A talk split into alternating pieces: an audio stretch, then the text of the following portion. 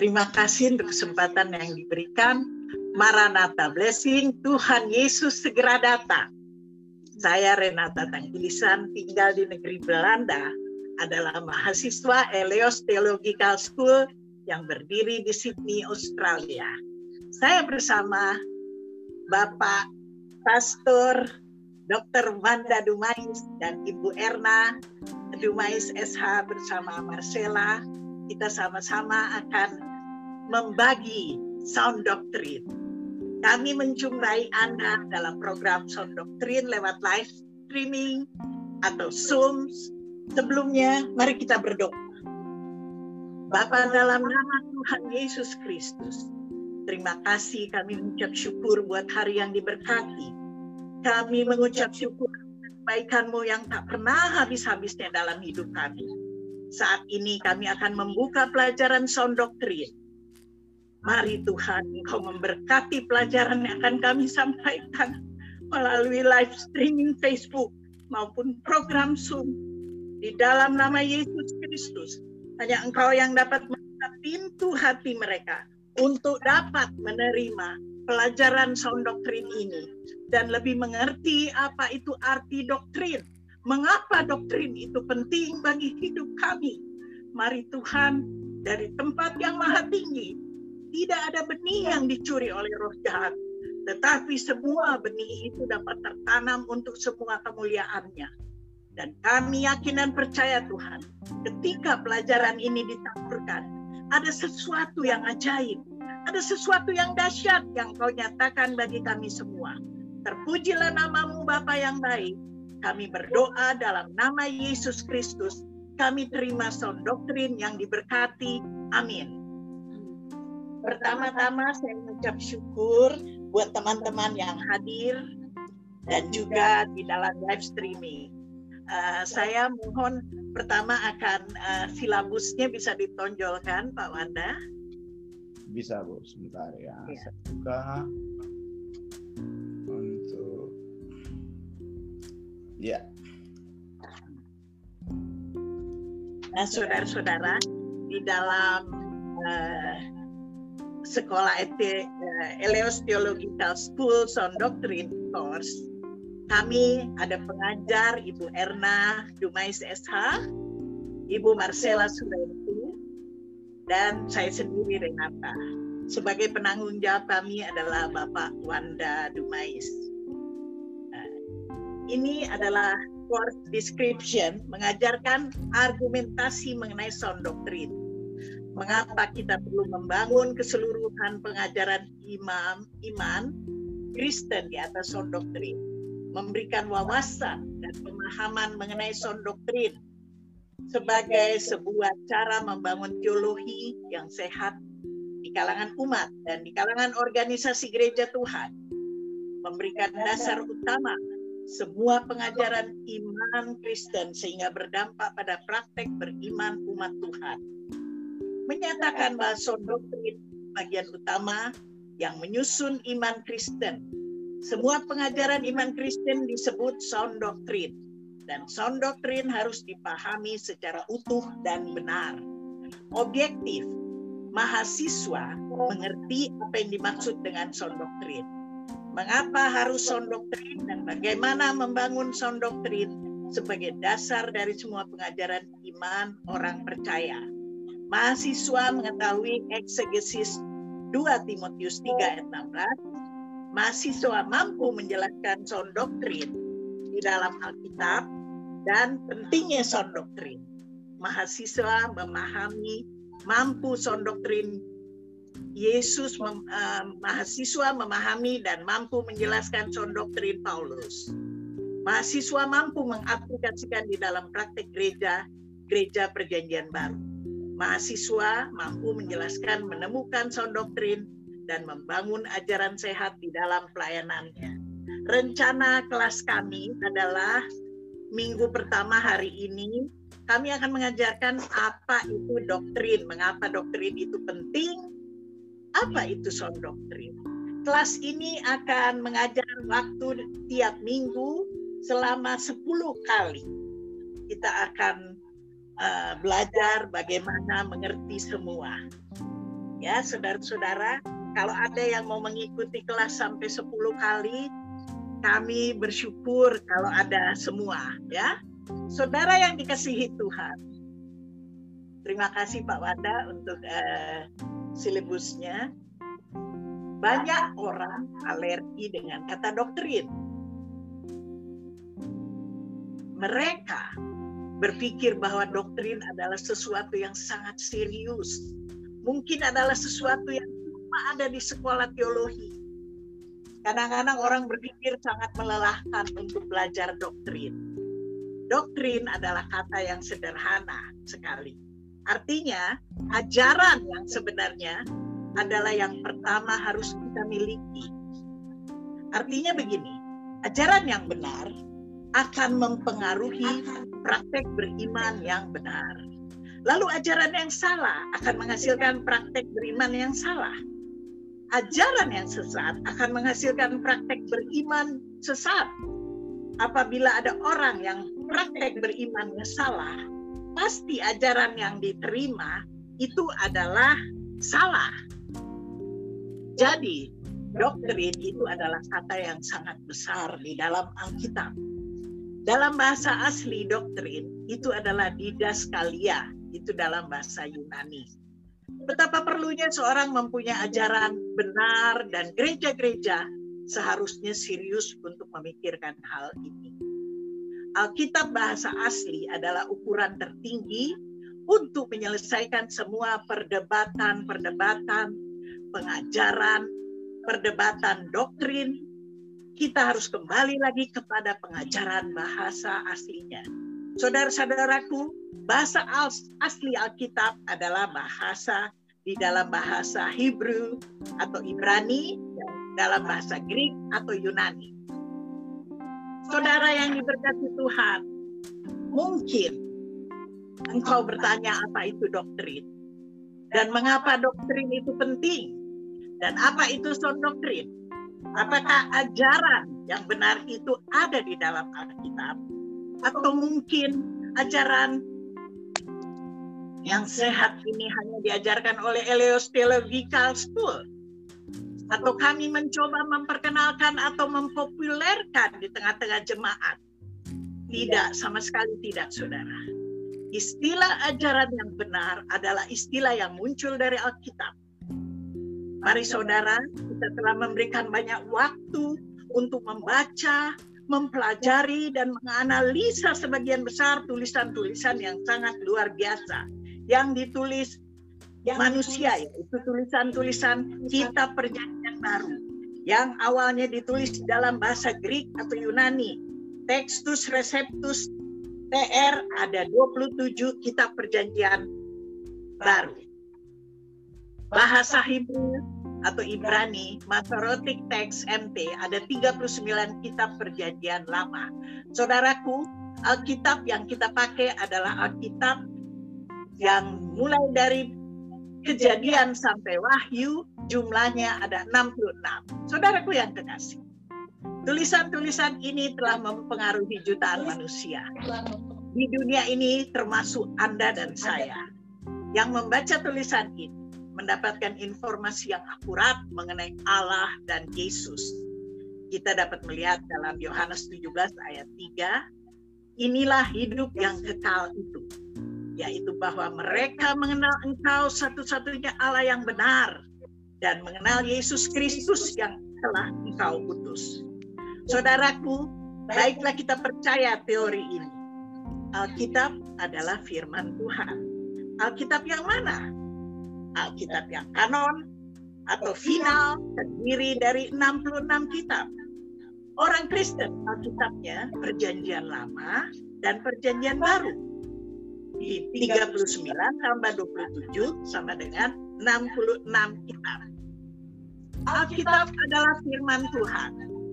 Alkitab adalah buku kitab suci yang penuh dengan doktrin atau mengajar.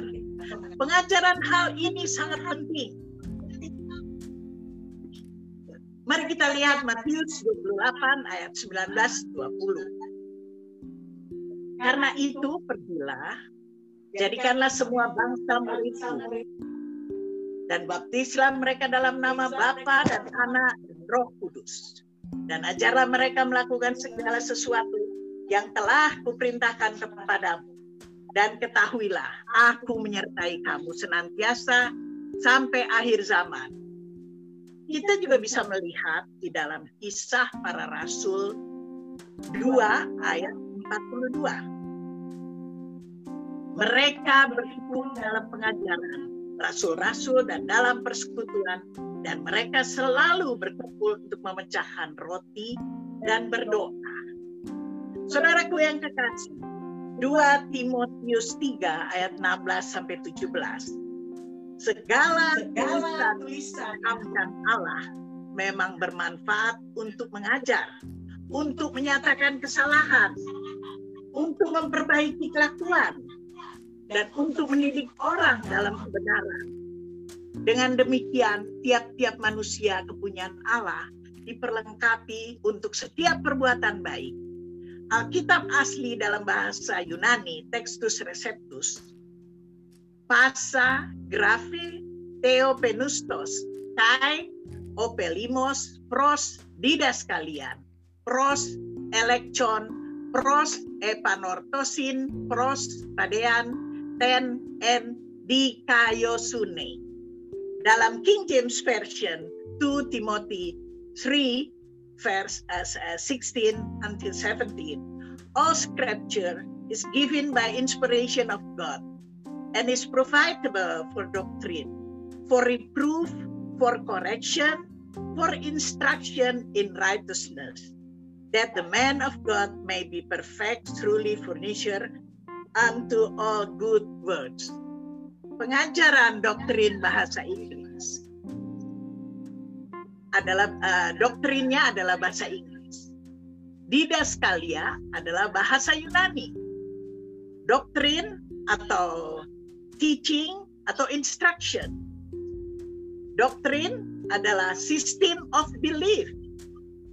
Doktrin adalah a principle or set of belief Mengapa doktrin atau pengajaran itu penting?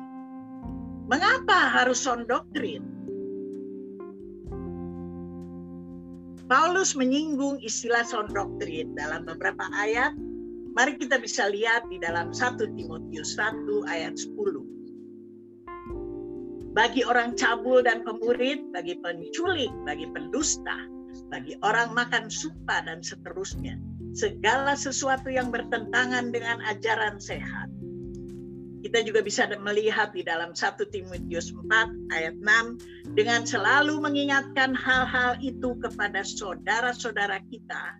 Engkau akan menjadi seorang pelayan Kristus yang pelayan Kristus Yesus yang baik, terdidik dalam soal-soal pokok iman kita dan dalam ajaran sehat yang telah kau ikuti selama ini. Kita juga bisa melihat di dalam 2 Timotius 4 ayat 3 karena ada akan datang waktunya orang tidak lagi menerima ajaran sehat tetapi mereka akan mengumpulkan guru-guru menurut kehendaknya untuk memuaskan keinginan telinganya. Di dalam 2 Timotius 1 ayat 13, peganglah segala sesuatu yang telah engkau dengar daripadaku sebagai contoh ajaran yang sehat dan lakukanlah itu dalam iman dan kasih dalam Kristus Yesus. Kita juga bisa melihat dalam Titus 1 ayat 9. Dan berpegang kepada perkataan yang benar, yang sesuai dengan ajaran yang sehat, supaya ia sanggup menasehati orang berdasarkan ajaran itu, dan sanggup meyakinkan penentang-penentangnya.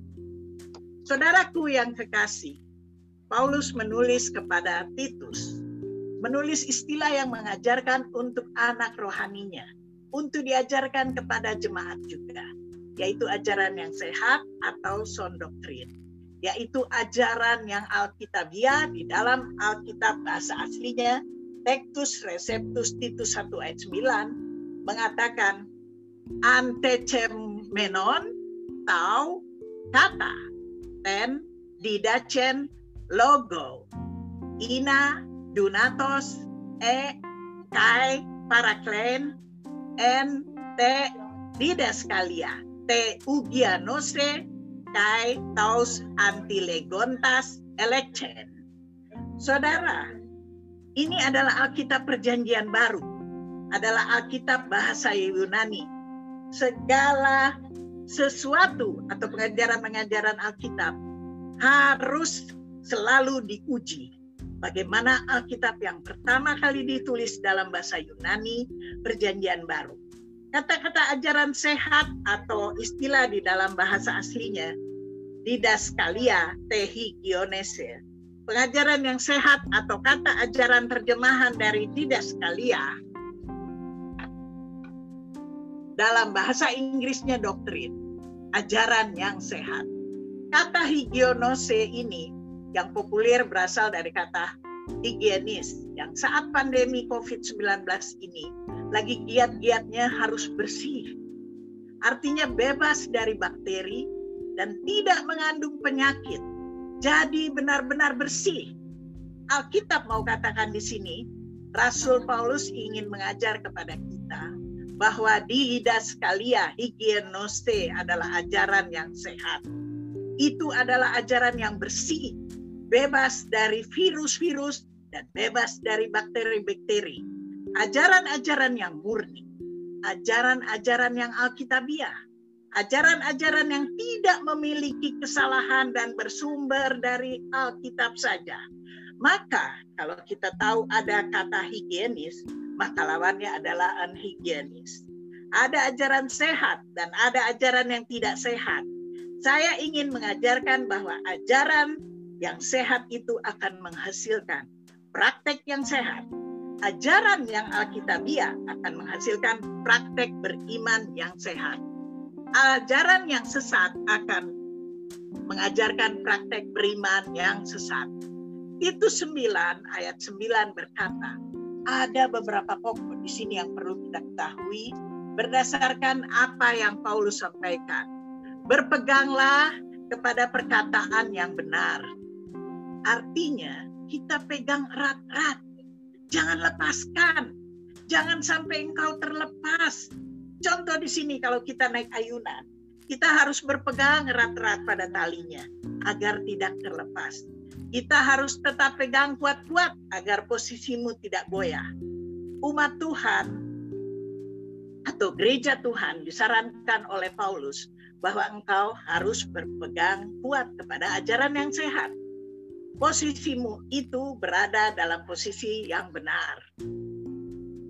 Menerima ajaran yang sehat Pertanyaannya, sudahkah engkau menerima ajaran yang sehat dalam hidupmu?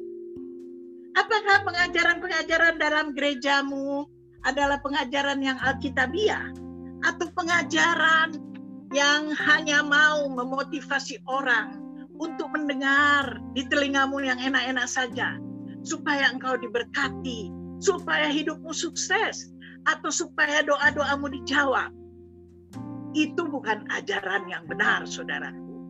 Banyak hamba-hamba Tuhan atau penginjil-penginjil populer yang membagikan itu. Dan iman jemaat tidak pernah tertanam. Karena mereka tidak mempunyai referensi. Apa yang mereka harus pikirkan. Dan mereka berdasarkan hidupnya kepada pelajaran yang sehat atau ajaran yang alkitabiah. Mengapa doktrin atau pengajaran itu penting, saudaraku? Saudaraku yang kekasih, uh, yang pertama, hidupmu sebagai orang percaya, kita harus pegang erat-erat pada ajaran sehat. Hanya mau menerima ajaran yang sehat, maka engkau akan menjadi orang yang kuat. Jangan lepaskan ajaran ini. Kemudian yang kedua, hidupmu sebagai orang percaya supaya engkau sanggup menasehati orang berdasarkan ajaran sehat itu. Saya dalam hidup saya, ketika saya mengetahui sound doktrin yang diajarkan oleh Pastor Dr. Wanda Dumais, yang dalam waktu di saat saya harus tinggal di rumah, karena adanya COVID-19 di Holland, dan juga gereja tempat beribadah untuk sementara ditutup. Saya sangat mengucap syukur dalam masa pandemi ini saya boleh belajar tentang sound doktrin. Saya boleh belajar tentang sound doktrin, tentang Alkitabiah yang sehat. Dan saat ini saya bisa membagikan pelajaran yang telah saya terima ini untuk saudara dan agar dapat belajar dan memuridkan bagi teman-teman yang lain. Saudaraku, pengajaran sehat yang mengubah hidup saya, memperbaiki kelakuan, dan untuk membagikan pelajaran ini untuk mendidik orang dalam kebenaran, maka kami akan diperlengkapi Allah untuk setiap perbuatan baik. Pengajaran sehat yang mengubah hidup saya dari tidak mengerti tentang Alkitabiah dan sekarang saya mengerti apa itu sound doktrin dan saya membantah ajaran yang tidak sehat.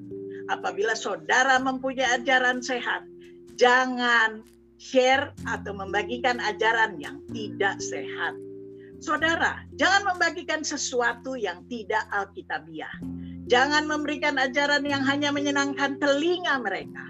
Tetapi saudaraku, hari ini setelah engkau mendengarkan sound doktrin ajaran yang alkitabiah, yang memberikan wawasan dan pemahaman mengenai sound doktrin sebagai sebuah cara untuk membangun teologi yang sehat di kalangan umat dan di kalangan organisasi gereja Tuhan. Sound doktrin memberikan dasar utama semua pengajaran iman kita. Saudaraku, kita mulai belajar mencintai Tuhan. Kita mulai belajar mengucap syukur atas kebaikan Tuhan. Kita mulai memuji Tuhan dan menyembah Tuhan.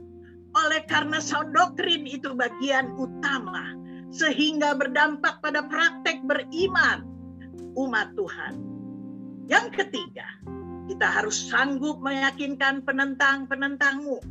Kita tidak malu untuk memberikan ajaran yang benar dan siap berdebat sehat dengan siapa saja. Sebagai mahasiswa yang masih belajar, saya harus memahami dan mampu menjelaskan sound doktrin Paulus. Dan saya harus memampu mengaplikasikan di dalam praktek gereja-gereja perjanjian baru. Ajaran yang sehat harus pelajar menjadi pelajaran yang benar di dalam hidup kita.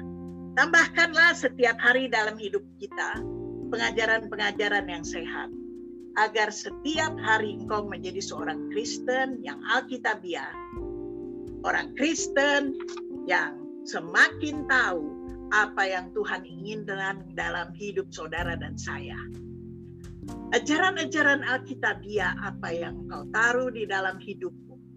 Saudara, hidupmu dibangun berdasarkan ajaran-ajaran yang Alkitabiah. Di zaman COVID-19 ini, banyak orang menularkan pengajaran-pengajaran yang bersifat virus, yang juga bersifat bakteri. Mereka berkata, oh COVID ini terjadi oleh karena Tuhan Yesus mau datang dan mereka juga berkata, oh COVID ini terjadi oleh karena murka Tuhan. Oh COVID ini terjadi oleh karena antikris dan sebagainya. Saudara tahu, karena mereka itu tidak belajar pengajaran yang alkitabiah. Pengajaran yang alkitabiah akan menolong hidupmu yang tidak benar menjadi benar. Alkitabiah akan menolong hidupmu untuk berdiri tegas di atas kebenaran. Gereja yang benar tidak ditentukan dari berapa banyak gereja, dari gereja yang besar dan banyak jemaatnya. Tetapi gereja yang benar ditentukan dari yang Alkitabiah. Saudara tahu, Tuhan Yesus punya murid, 12 murid dia hanya dalam kelompok kecil, tapi sound doktrin itu bisa beredar, bisa menjangkau dunia, bisa menjangkau bangsa-bangsa. Kami rindu saudara-saudara, kalau saudara mendengar pelajaran kami, pelajaran sound doktrin yang di, akan diadakan setiap minggu. Kami sangat bersyukur kami mahasiswa Eleos Theological School yang dipimpin oleh Pastor Dr. Wanda Dumais siap untuk berdiri teguh di atas kebenaran dan tidak malu untuk memberitakan ajaran sehat atau sound. Dan sekolah kami juga siap menerima mahasiswa baru tanpa memungut biaya apa pun. Saya Renata Tangkilisan mengucapkan Maranatha Blessing, Tuhan Yesus segera datang dan akan datang. Amin, amin, amin.